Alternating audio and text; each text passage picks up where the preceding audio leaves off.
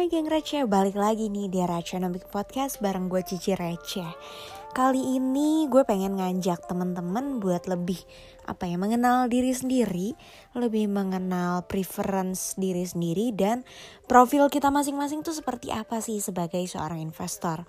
As you guys already know, mungkin teman-teman udah ada yang pernah denger kalau yang namanya profil investor tuh ada tiga. Yang pertama ada konservatif, yang kedua moderat dan yang ketiga agresif well nggak ada yang patokan mana yang lebih baik nggak ada juga yang bilang mana yang lebih bagus dan pastinya setiap orang itu bisa jadi berubah-ubah, bisa jadi punya profil yang sama terus, bisa jadi juga punya profil gabungan. Nah, mungkin yang selama ini kita kira kita masuk ke profil itu bisa de, bisa jadi salah dan bisa jadi tepat juga sih. Tapi ada baiknya kalau sebelum berinvestasi kita lebih mengenal profil investor supaya kita benar-benar bisa menyesuaikan instrumen mana sih yang mau kita pilih untuk kita taruh di keranjang-keranjang uh, uang-uang kita. So, here we go. Tiga profil resiko investor. Setiap hal di dunia ini pasti ada resikonya. Kalau di dalam rumah aja nih, diem-diem kita bisa tiba-tiba kepleset terus jatuh. Kalau di jalan bisa tiba-tiba keserempet. Kalau kerja di kantor bisa tiba-tiba dipecat. Apalagi investasi. Investasi itu inherent deh.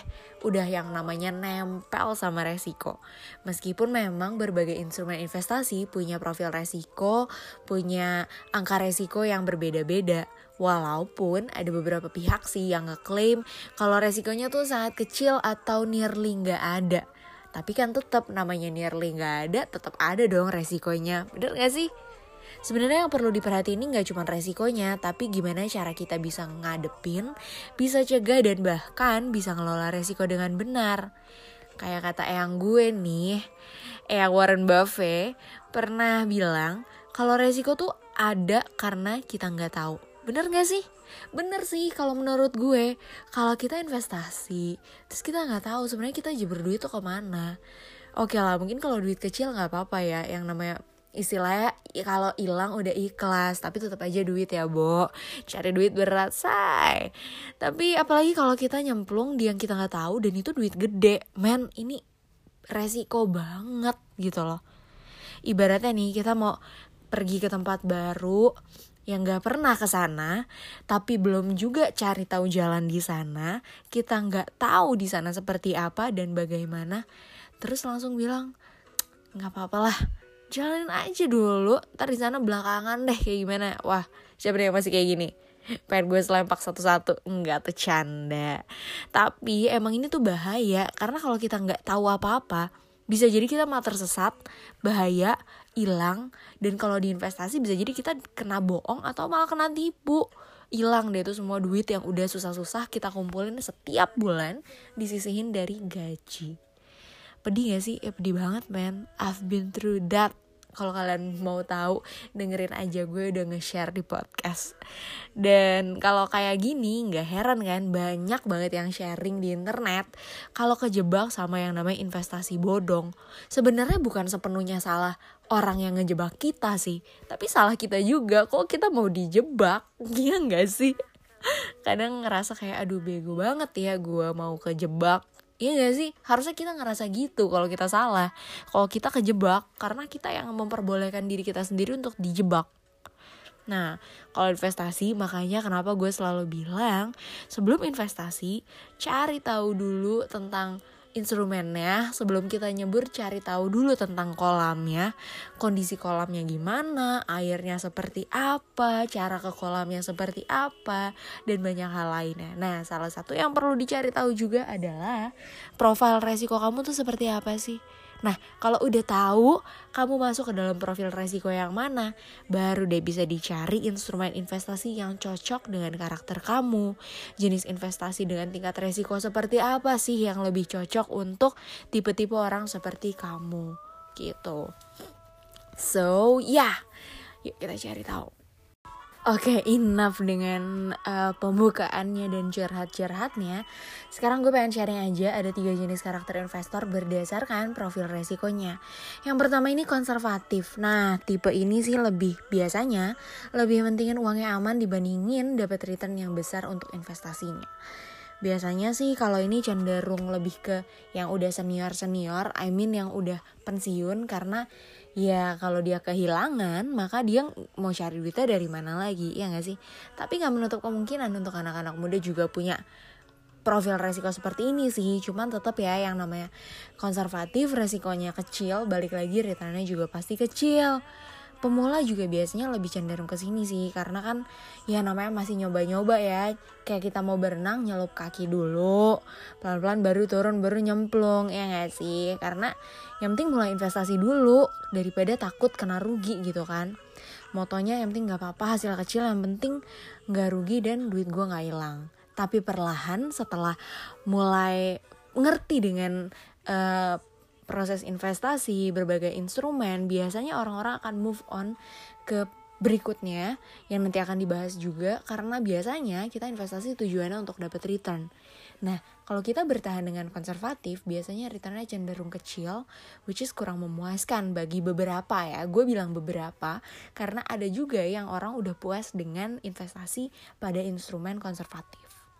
Oke, okay, next up ada yang kedua tipenya yaitu moderate. Nah, moderate ini bisa dibilang cukup berani ambil resiko tapi kayak gimana ya orang mungkin mau jalan maju eh mundur setengah langkah tapi tetap maju tapi ada mundur setengah langkah karena meskipun dia berani ngambil resiko yang cukup besar dalam tanda kutip tapi dia tetap hati-hati dalam investasi which is good karena namanya investasi memang harus berhati-hati cuman jangan terlalu banyak berhati-hati juga nanti jadinya gak jalan-jalan gitu.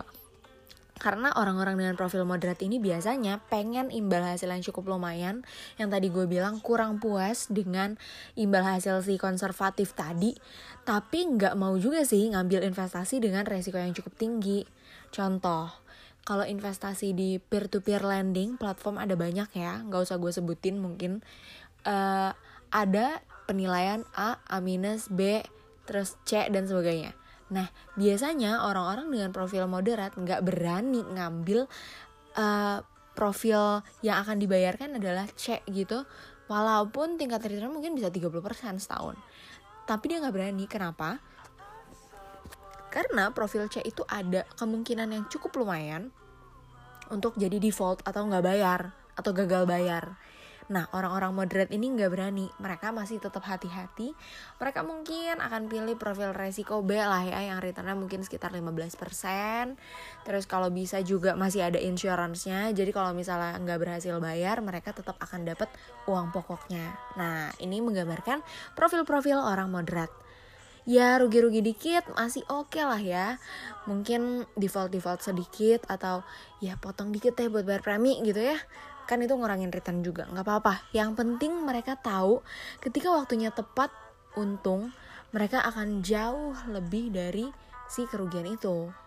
Jadi ketika mereka dapat return atau mungkin ada satu yang default dari 10 tapi si 9 nya menghasilkan which is good. Legit.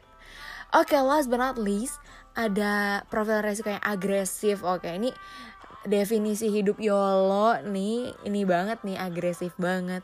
Karena high risk high return bener gak? Karena memang ya itu konsep investasi ya. Kalau lu pengen dapet return yang gede ya lu harus berani take risk. Tapi balik lagi mental lu siap nggak financial lu siap nggak kalau misalnya lu mengalami uh, resiko yang tinggi itu bener-bener happen in your life gitu. Nah, tipe yang berani ambil resiko tinggi ini biasanya mereka memang tahu return yang bisa dihasilkan memang tinggi juga. Jadi mereka apa ya udah lebih paham terkait investment dan mereka biasanya juga uh, punya mungkin udah punya cadangan, terus juga udah ngerti terkait apa yang mereka taruh investasi di situ. Eyes on the price, I can say.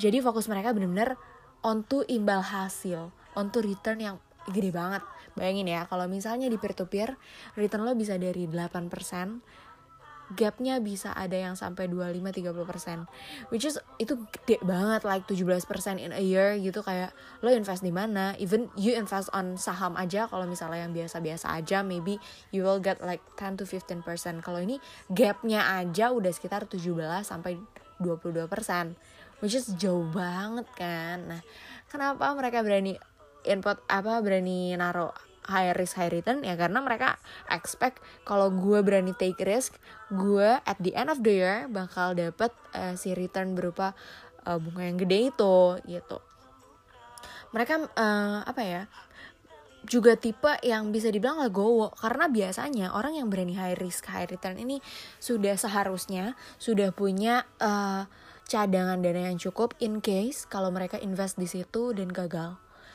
That's why uh, investor selalu bilang kayak don't put your egg in one basket gitu. Karena memang jadi kalau lu berani take risk misalnya you put on five basket I can say terus kayak one of your basket kayak go down gitu kayak you still have your four other. Jadi nggak ke mana-mana tuh duitnya. Maksudnya ya take it as it is aja. Ya nothing to lose. Kalau lu berani high risk high return ya hilang ya it's okay lu udah legowo gitu. Karena lu masih punya cadangan hidup lu masih bisa berjalan dengan baik gitu. Ya karena mereka tahu persis kenapa mereka berani uh, lega ketika menerima ini. Karena mereka tahu persis di awal bahwa ketika nyemplungin ke situ mereka juga menyemplung terhadap resiko yang memang inherent tadi ya.